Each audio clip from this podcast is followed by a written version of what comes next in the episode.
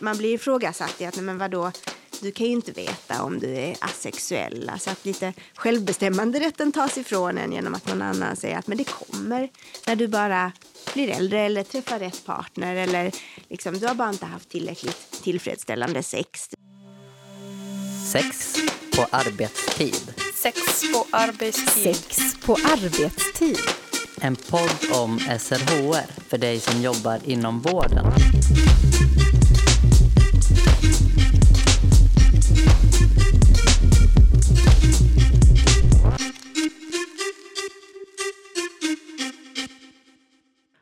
Gånger när vi pratar om sexualitet så pratar vi om det som en universell och självklar del av livet. Som något hälsosamt. Och vi utgår ofta ifrån att alla har en önskan om att ha sex. Antingen med sig själv eller med andra. En slags obligatorisk sexualitet. Men vad får det egentligen för konsekvenser för personer som är asexuella? I det här avsnittet pratar vi med sexologen Rebecka Göransson. Vi pratar bland annat om asexuellas erfarenhet av att möta fördomar och ifrågasättanden och hur vi kan göra för att ha en sexpositiv ansats och samtidigt inkludera asexuella. Vi som gör Sex på arbetstid är jag, Anna Skoglund, och min kollega Elin Klingvall.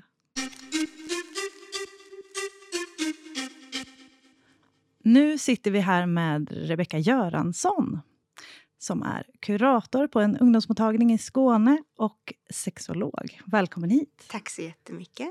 Trevligt att vara här. Vi är jätteglada att ha dig här. För idag ska vi prata om asexualitet. Du skrev din masteruppsats i sexologi om sexualitet. Mm. En röd tråd genom din uppsats är obligatorisk sexualitet. Mm. Att det är en norm. Ja. Vad menas med det? Men man kan ju säga att obligatorisk sexualitet som, som norm eller normsystem, det innebär liksom att vi har ett antagande i samhället om att alla människor är och vill vara sexuella och, och liksom att man vill uttrycka sin sexualitet och, med andra personer eller överhuvudtaget att den ska finnas där som ett ja, men som en, en självklarhet på något sätt. Och också att sexualiteten är liksom en, en viktig del för allas hälsa och välmående. Så. Så det är väl kortfattat hur man kan beskriva den obligatoriska sexualiteten så. Sen som med alla begrepp så kan ju det också eh, behöva problematiseras. Det är inte så enkelt att alla förväntas vara sexuella på samma premisser och så, utan och vissa typer av, av sexualitet ses ju som inte lika, eh, har inte samma plats och tillåtelse i samhället. Så, så. Eh, men, men grundantagandet är liksom att, att eh, det finns en förväntan på oss att vara sexuella aktörer. Så. Hur kan det ta sig i uttryck inom kanske hälso och sjukvården eller inom lagstiftning? Eller? Mm. Alltså jag tänker dels så finns det ju man brukar prata om då när man tittar på den obligatoriska sexualiteten att, att finns ett slags sjukdomsförklarande av alla typer av icke-sexualitet. Om det, oavsett om det handlar om då asexualitet som vi pratar om idag eller om det handlar om perioder av kanske minskad lust eller frånvaro av lust. Att vi, vi har ju kliniska diagnoser för de tillstånden så att säga. Och då menar man att det är ett uttryck för den obligatoriska sexualiteten. Sen är det ju så att, att diagnostiserande fyller ju såklart ett syfte också på så sätt att om man, man upplever sin bristande lust eller så som ett, ett problem så, ja, så kan det ge en legitimitet att man får en diagnos på det och man kan få hjälp och så vidare. Men, men själva diagnosförfarandet i sig av icke-sexualitet kan ju ses som, som problematiskt på vissa sätt. Att, att sexualiteten måste ju få lov att gå i, i perioder eller så. Eh, så inom sjukvården kan ju det vara ett, ett sätt att vi, att vi klassificerar icke-sexualitet som ett problem. Så. Um, och sen tänker jag i, i liksom utförandet av sjukvården, alltså om man arbetar inom sjukvården, så kan det också vara ett antagande om att, att relationer alltid involverar sexuella uttryck så personer emellan. Um, det kan handla om att det finns en, en ett antagande om att, att personer som är i en viss typ av relation behöver preventivmedel eller så att man, man utgår från att nej, men finns, där, finns där en person eller en relation så finns där också sexuellt uttryckande. Så. Um, och lagstiftning, det, det kan man ju se, uh, inte här i Sverige numera, men att det finns ju i andra länder ett antagande om, om sex som för att ett äktenskap ska vara fullbordat och så, att man, att man tänker sig att det är eh, rent juridiskt eh, behövs det eh, sexuella handlingar inom en, en relation. Så. Mm. Men kortfattat, då, vad, vad betyder asexualitet? Ja, det finns ju lite olika sätt eh, och definiera, eller egentligen inte olika sätt, men det är ett, ett ganska komplext begrepp om man säger så. Alltså den, den, definition som är väl mest vedertagen är ju att asexualitet handlar om att man inte känner sexuell attraktion till andra, men ofta i kombination med kanske en inte så närvarande sexuell lust eller drivkraft. Eh, det är olika hur individer beskriver det, men Eh, men också då en viktig del av asexualitetsbegreppet är ju självidentifikation som asexuell. Så att det är ju mycket upp till liksom vad, vad individen lägger i begreppet. Men, men ofta använder man det här frånvaron av sexuell attraktion gentemot andra som, som en huvuddefinition. Så. När började vi använda sexualitet som begrepp? Eller när, när, kan man först läsa om det eller höra om det?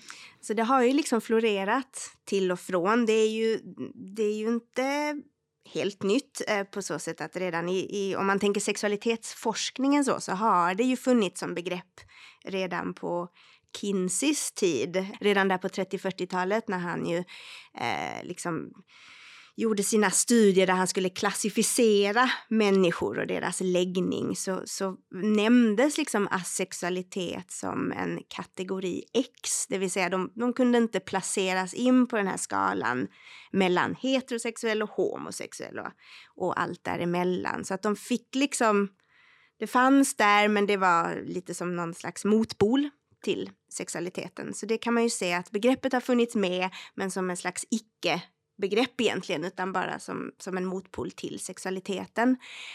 Um, men sen så var det ju då den första studien som faktiskt liksom syftade till att beskriva alltså förekomst och, och liksom beskriver begreppet asexualitet. Det var i början av 2000-talet, 2004. Um, så, och där i början av 2000-talet så bildades också det här stora nätverket för asexuella, AVEN i USA. Så man kan väl se lite att det är där det någonstans, början av 2000-talet, som det, det, fick någon slags egen, egen, eget värde eller egen tyngd så, som begrepp. Och asexualitet är ju som ett slags paraplybegrepp. Vilka, vilka andra begrepp kan vara viktiga att känna till inom liksom spektrat av sexualitet? Mm även om man då kanske identifierar sig, har anammat den här, det här begreppet asexualitet då när det syftar till sexuell attraktion så kan man ju fortfarande känna en annan dragning till andra, det vill säga en mer kanske romantisk eller emotionell dragning. Att man då kan identifiera sig som kanske asexuell heteroromantisk, asexuell homoromantisk eller asexuell aromantisk, det vill säga att man varken känner sexuell attraktion eller romantisk attraktion om man kallar det så, eller den här andra aspekten av, av den känslomässiga attraktionen. Så, så det, där finns det ju för vissa ett, eh, ett, mm, en önskan att, att liksom klassificera sig utifrån det, att man vill beskriva sin, sin eh, romantiska attraktion. Sen finns det ju också eh, Grey A, eh, en kategori och då kanske man mer ser på sexualitet eller asexualitet som existerande på, på en skala. Att man kanske inte, man känner att jag är inte asexuell som en statisk här, definition eller identitet utan jag rör mig eh, lite där på, på skalan mellan asexuell och kanske andra nyanser. Så det där grey, det är där det kommer in, att man är inte uteslutande det ena eller det andra. Eh, och sen så finns det också de som beskriver sig som demisexuella. Att man då kanske i grunden känner att jag är, jag är asexuell och jag känner ingen sexuell attraktion men i vissa relationer så kan det finnas en, en, eh, en sexuell dragningskraft och så. Om det är en mer, om man ska kalla det kärleksrelation, men en, en typ av relation där man kanske har en djupare eh, kontakt eller emotionellt, att då kan det finnas en, även en sexuell attraktion. Så att demi blir lite, det är lite både och. Så, eh, så det är några kategorier. Så. eh, man, när man pratar om sexualitet så brukar man ju dela in sexualiteten i olika delar. Dels Mm. identitet, alltså vem jag är. mm, Eh, praktik, vad jag gör. Mm. Eh, också preferens, alltså attraktion. mm. Hur jag riktar min attraktion. Eh, hur, hur kan man liksom förstå det utifrån en sexualitet?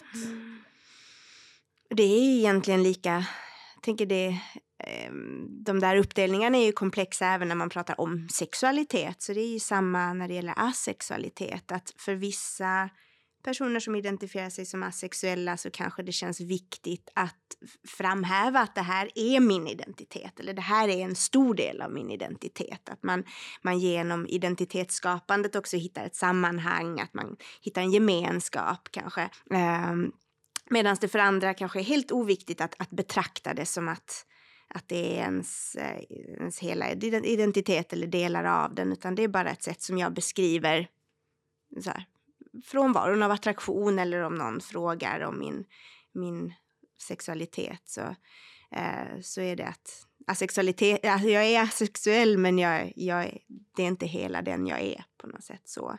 Ehm, och det här med identitet, det är ju liksom, det har ju sina eh, för och nackdelar på något sätt att kategorisera. eh, på så sätt att man å ena sidan får en gemenskap eller kanske kan känna att man, eh, man hittar andra som också definierar sig som asexuella. Men att man samtidigt kan det bli ganska statiskt att nu är jag asexuell eh, och så kanske det inte erbjuds så mycket utrymme för den egna att lägga sin egen innebörd och betydelse i det för att man känner att men det här, nu tillhör jag den kategorin på något sätt. Um, och sen vad gäller praktik så är det ju också eh, en av de fördomar som, som eh, asexuella personer eh, kan beskriva. Att det, det finns en fördom att man har, det finns inga sexuella praktiker i ens tillvaro. Alltså man, man uttrycker ingen form av det vi kallar sexualitet eh, alls för att man är asexuell. Men så är det inte heller att eh, asexualiteten, frånvaron av sexuell attraktion behöver inte hänga ihop med frånvaro av sexuella handlingar eller sexuell praktik utan asexuella personer kan ju fortfarande, man kan onanera, eh, onanin kanske fyller annan funktion för en, att det kan ju vara ett sätt att slappna av eller eh, ja, det kan ha en massa olika betydelser så. Men också att man kan ju ha eh, sex med partners eh, i syfte att man vill, man vill göra det med den personen eh, för att den personen kanske är sexuell och att det är det man kallar liksom eh, ändå frivilligt sex men som man kanske inte hade haft egentligen av egen vilja men man vill ha det för någon annan. Eh, så ehm, så, att, så att asexuella personer har, har ju fortfarande också sex, vissa. Ehm, för att annars så kanske man tänker just att det ska vara helt, det ska vara frånvaro av allting på något sätt. Um, och sen då det sista med uh, preferens var det. Och då tänker jag lite utifrån läggningsbegreppet så ja. Eh, nej men att det också finns diskussioner både på forskningsfältet men såklart också en stor individualism bland personer som identifierar sig som asexuella huruvida asexualitet ska ses som en läggning eller inte. Och för, för vissa kan det, det är lite samma som identitet där, att man kan känna, jo men jag, jag är asexuell, det är min sexuella eller asexuella läggning. Eh, medans det finns också mycket diskussioner som jag har tagit del av på kanske framförallt inom forskningen om att asexualiteten snarare ska ses som kanske ett utmanande av hela läggningsbegreppet så att, Eh, att vi eh, just eftersom asexualiteten finns så behöver vi också se bredare på sexuella läggningar att vi alla kan röra sig röra oss på, på den här skalan ehm, oavsett om man då eh, tänker homosexualitet, heterosexualitet om man tänker att vi alla är rörliga i hur vi definierar oss. och så. Det låter som att sexualitet blir en möjliggörare för många i det läget. Jo, men lite så att det ändå sätter fingret på att jo, men här, här finns ju också det här begreppet och det visar att det är inte så statiskt att man antingen man är sexuell på olika sätt utan att man också kan vara asexuell. Hur kommer man på att man är asexuell? Mm. Alltså det, jo just det, och där kommer jag faktiskt tillbaka till det här med varför man kan, man kan tänka att asexualitet skulle klassas som en läggning eller att om man skulle kalla det en läggning är ju att den ofta beskrivs som medfödd, alltså att man har alltid varit asexuell. Um, och det var ju också något som, nu har jag ju fått ta del av några personers berättelser i min i mitt uppsatsarbete. Men att där beskrivs ju ofta det här att det, det, man börjar uppmärksamma i en ganska ung ålder att det här som man kanske ser hos sina jämnåriga, den här nyfikenheten eller pratet kring sex och, och vilka man eh, tycker är snygga eller vilka man dras till och så. Att man känner en, liksom en helt det där känner man inte igen sig i. Eh, det var liksom återkommande i många personers berättelser. Och sen att det därefter kanske är ett, ett ganska långt sökande efter jaha, vad är, vad är det här? Och där kommer ju den obligatoriska sexualiteten in, tänker jag, mycket i, i när man tänker yngre personer, unga människor. Att eh, man förväntas utforska, man förväntas vara nyfiken och, och, eh, och det kan man ju vara, även om man känner en, en, att man är asexuell. Men att man, man liksom eh, en, går igenom en process av fundering. Vem är jag? Vad, vad, hur ska jag förhålla mig till det här? Vad är det som gör att jag inte känner någon lust eller dragningskraft eller så. Um, och att då vissa som jag pratat med beskriver att ja, men sen hittar man det här, um, det här begreppet eller det här communityt och att man då känner nej men här, här, här är någonting som jag känner igen mig i och här kan jag hitta liksom en, här kan jag landa i att eh, jag kanske faktiskt jag är asexuell, eller att det är så jag vill beskriva mig. Så. Så för många, många av dem jag pratar med så är det ju någonting som det tar lite tid att, att hitta det där.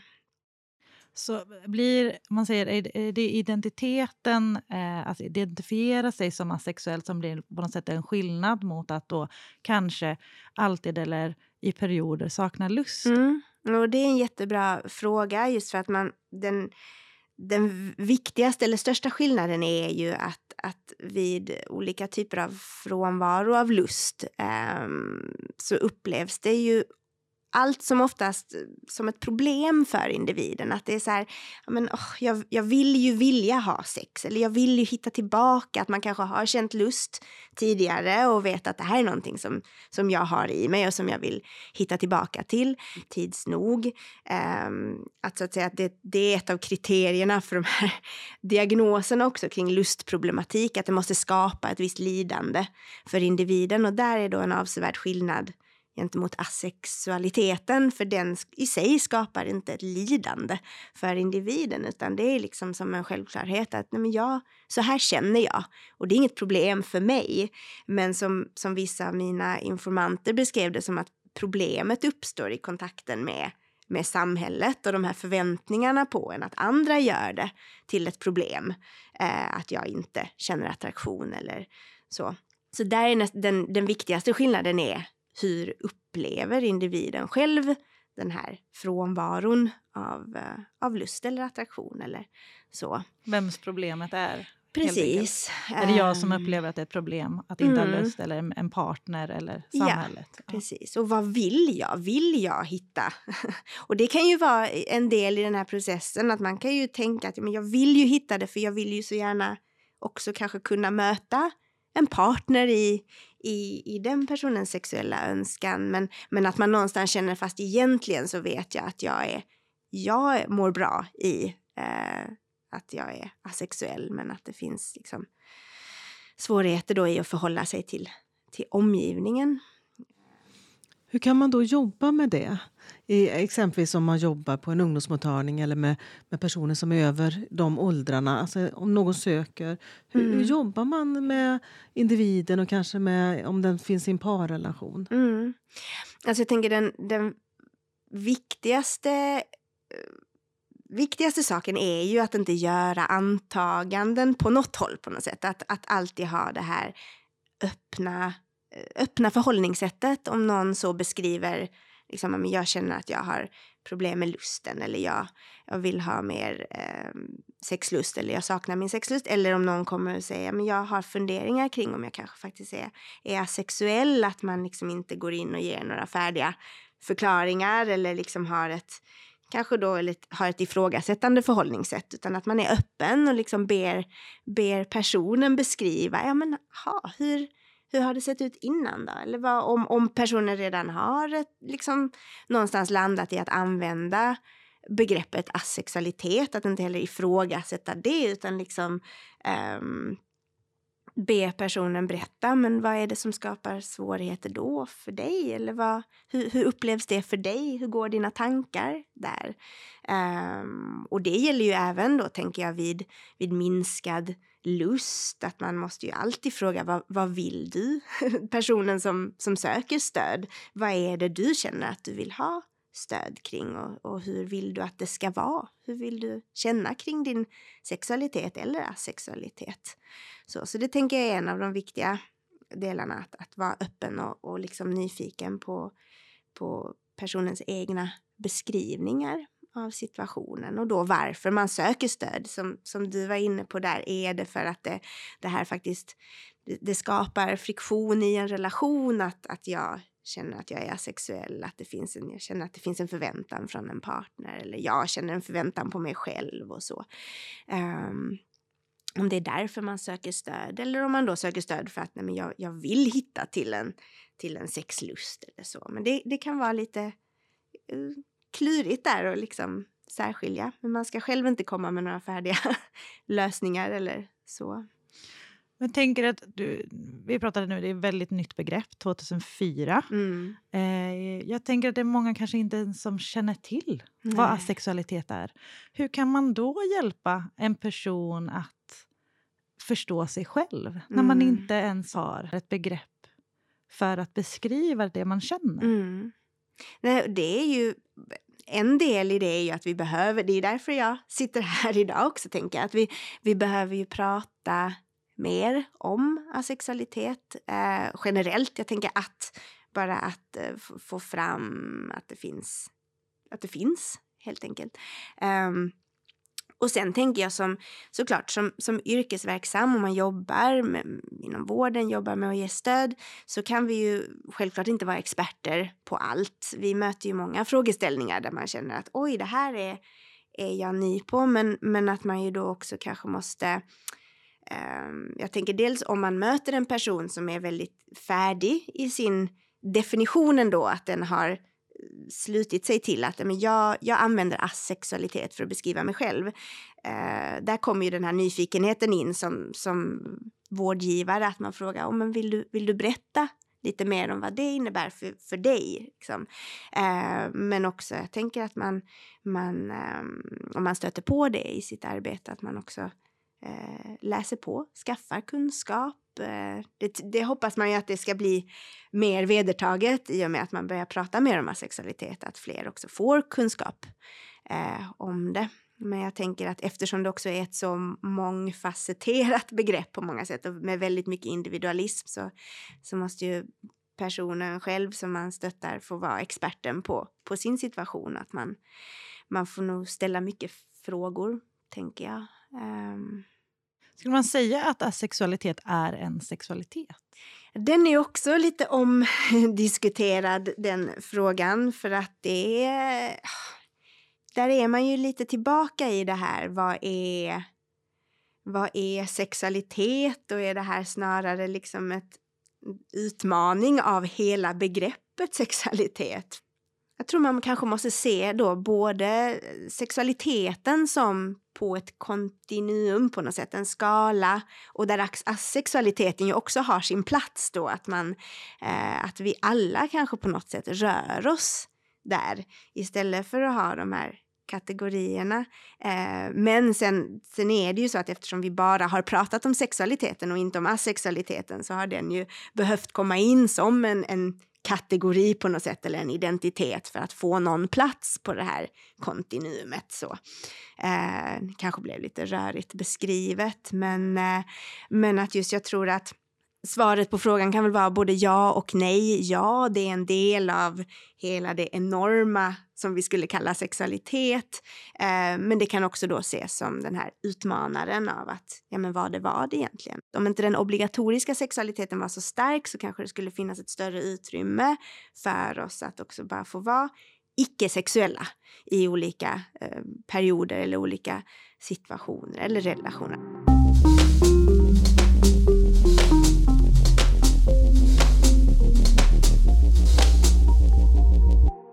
Inom SRHR-vården så har vi en ansats till att vara sexualpositiva. Mm. Hur ska vi kunna inkludera asexualiteten i det? Mm. Men och där tänker, det är också lite vad man lägger i det här sexpositiva begreppet. För jag tänker man kan ju ändå se det som att ett, ett sexpositivt förhållningssätt är ju att se sexualitetens fulla bredd och fulla potential på något sätt och att, att liksom normalisera eh, sexualitetens alla riktningar och skiftningar. Och där kommer väl asexualiteten in också, tänker jag. Så som jag tolkar sexpositivitet som, som en öppenhet generellt för alla frågeställningar. Att, att man kanske jobbar man sexpositivt så, så har man ju förhoppningsvis också med sig det här med eh, individens eh, möjlighet till liksom självbestämmande och självdefinierande om man säger så. Att, att man har liksom den här tanken om att men, men du, du vet bäst vem du är sexuellt och du måste få utrymmet att, att beskriva det och jag gör inga antaganden eller tolkningar eller har fördomar kring det, tänker jag. Mm. Att man ändå, man ändå får in det.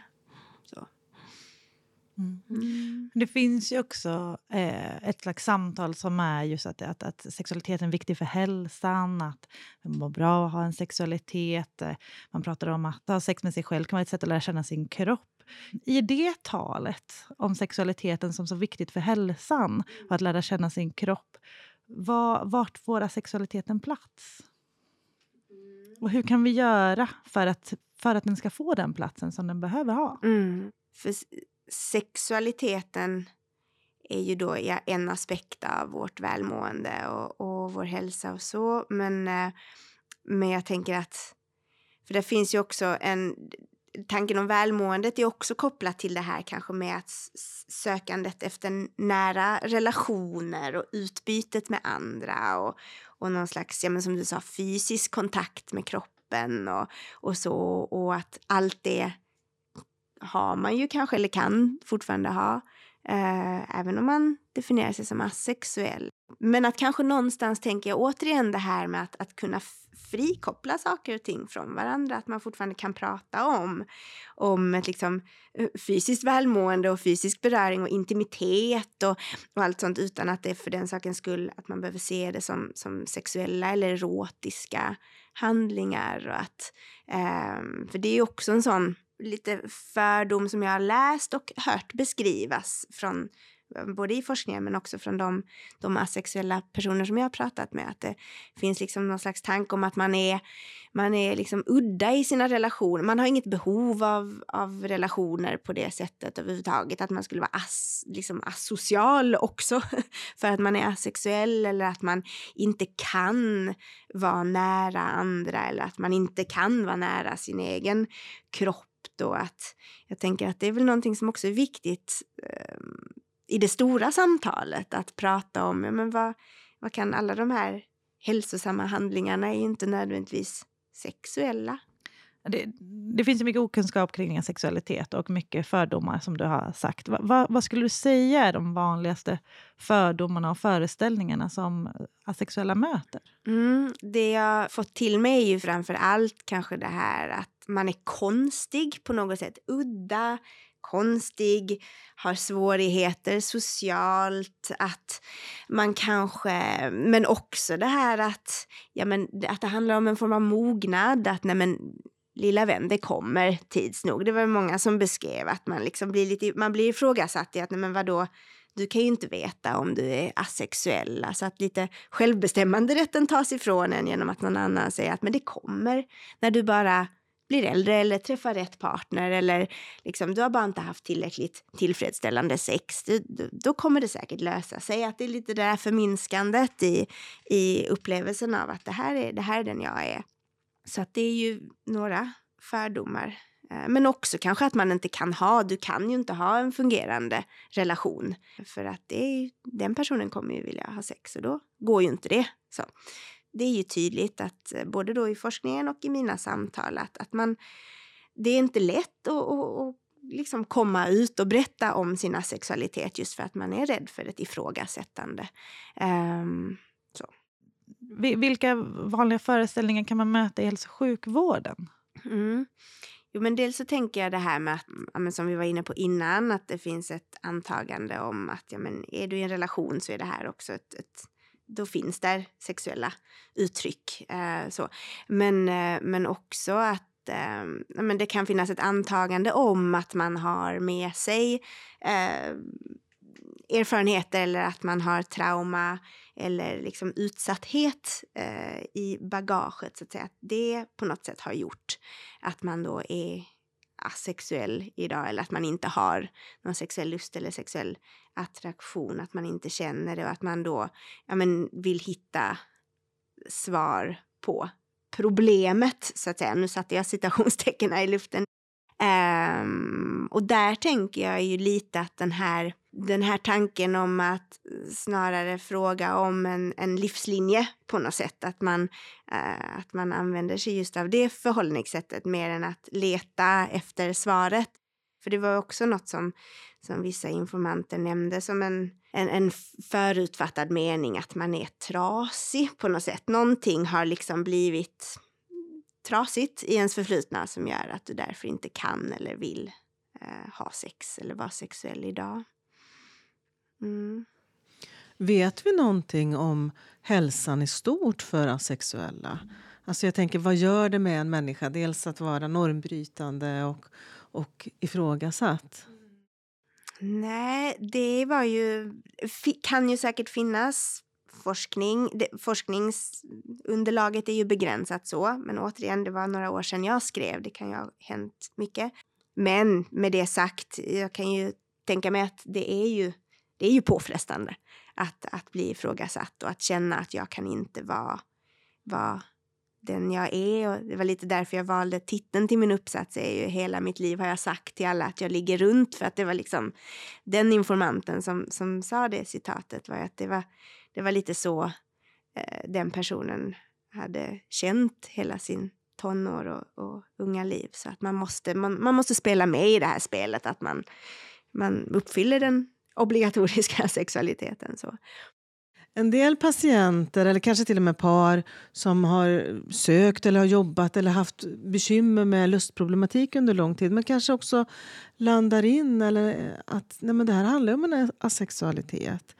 En del kan ju beskriva en stor lättnad i det, att få en förklaring. Och för en del andra så kanske det också finns en stor sorg över både hur livet har sett ut men också vad det innebär framåt.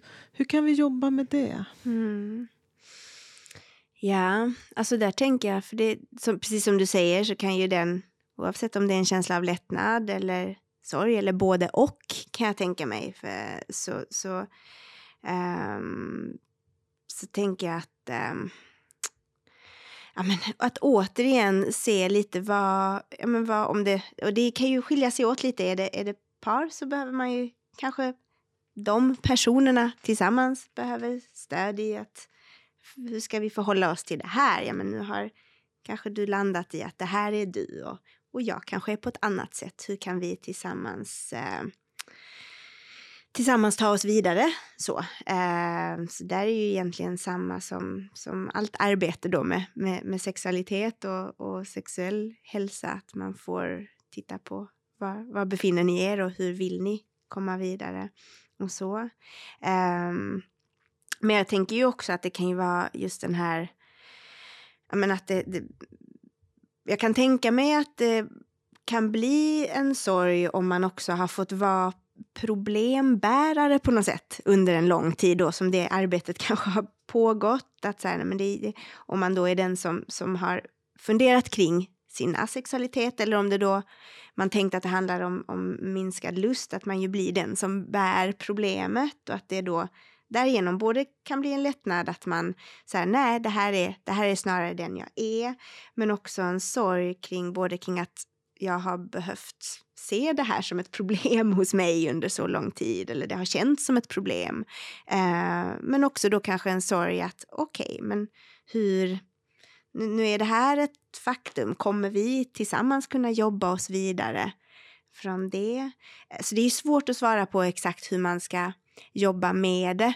Eh, men det handlar ju om, tänker jag då, att som vi var inne på innan, att, att har eh, en person landat i att men jag är asexuell, att då inte kanske fortsätta, eller att inte fortsätta i det här arbetet, eh, arbetet med hur ska, vi, hur ska vi hitta lusten, hur ska ni hitta lusten tillsammans, utan då måste man ju också ha en, en förståelse för att nej, men det, här är, det här är där den personen befinner sig nu. Det, det handlar om en asexualitet och inte en, en bristande lust så, som, som man vill hitta vägar att jobba vidare med.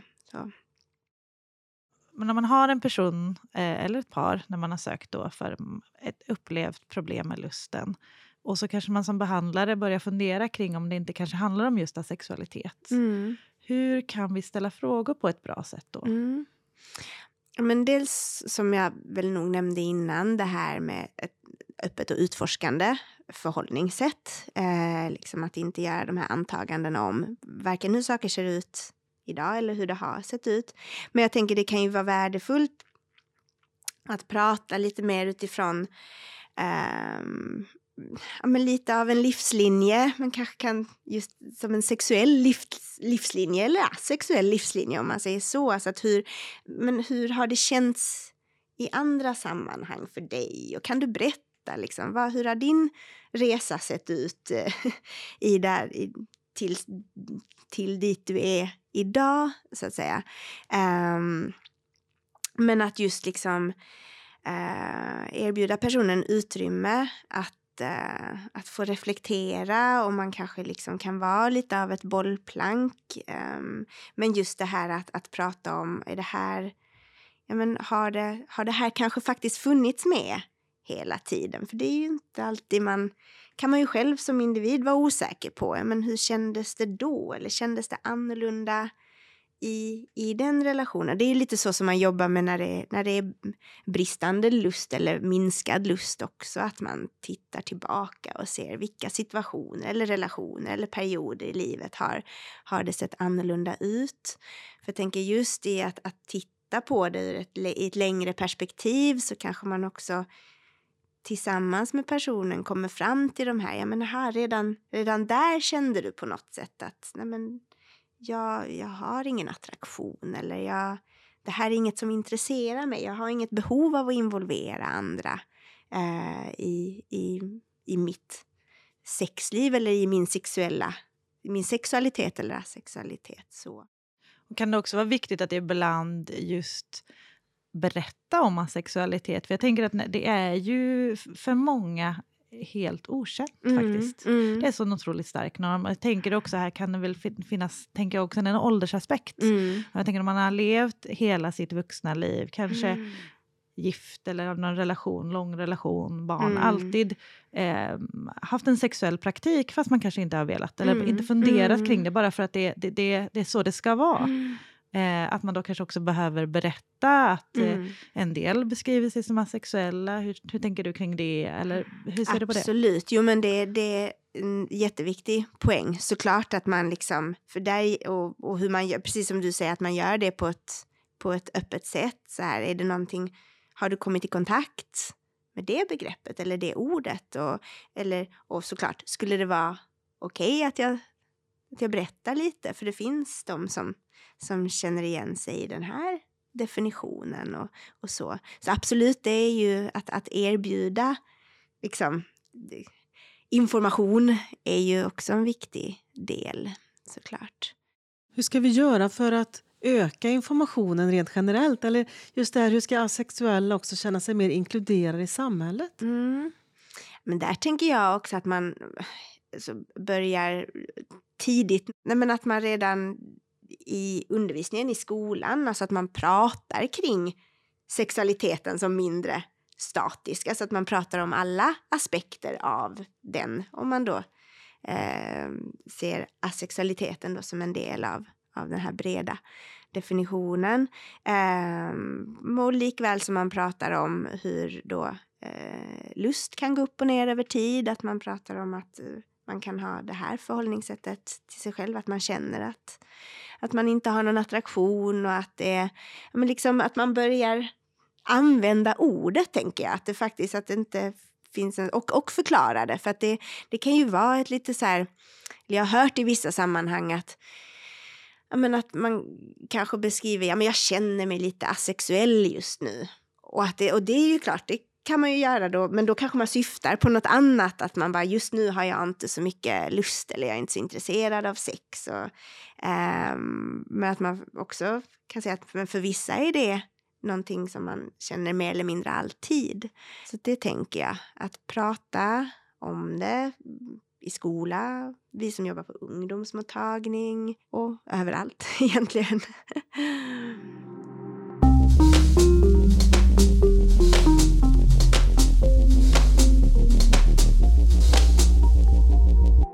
Det här har varit så intressant att höra dig berätta här idag och det här samtalet. Eh, och vi är väldigt glada över att du har varit här. Stort tack för det. Tack så jättemycket. Och nu är vi ju nyfikna på att höra vilka tre tips du har med dig idag. Mm.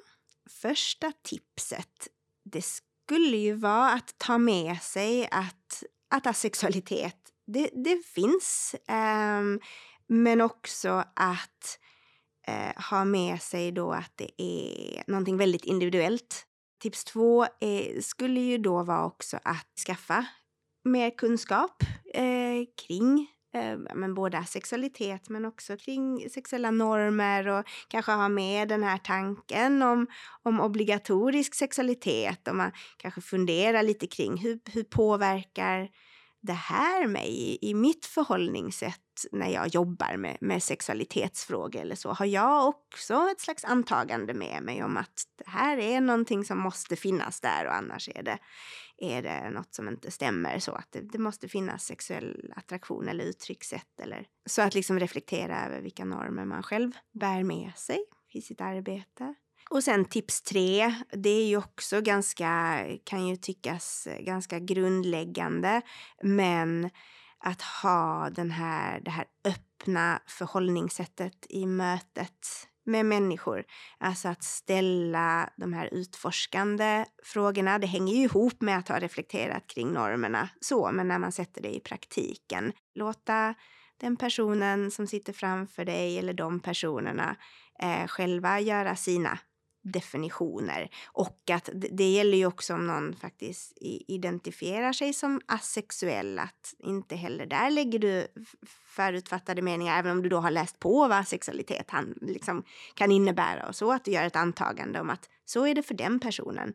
Eh, utan då öppna upp för, men vad är vad innebär asexualiteten för dig då? Och hur, hur, var, var, vad känner du att du är i behov av för stöd eller råd från mig? Vad vill du att vi ska fokusera på?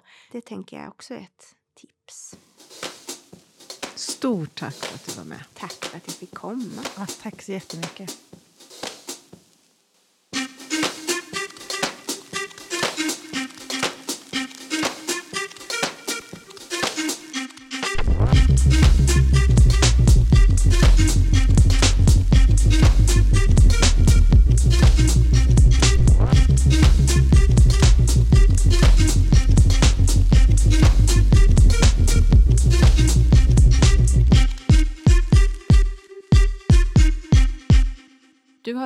Sex på arbetstid, en podd som görs av Kunskapscentrum för sexuell hälsa, en del av Västra Götalandsregionen.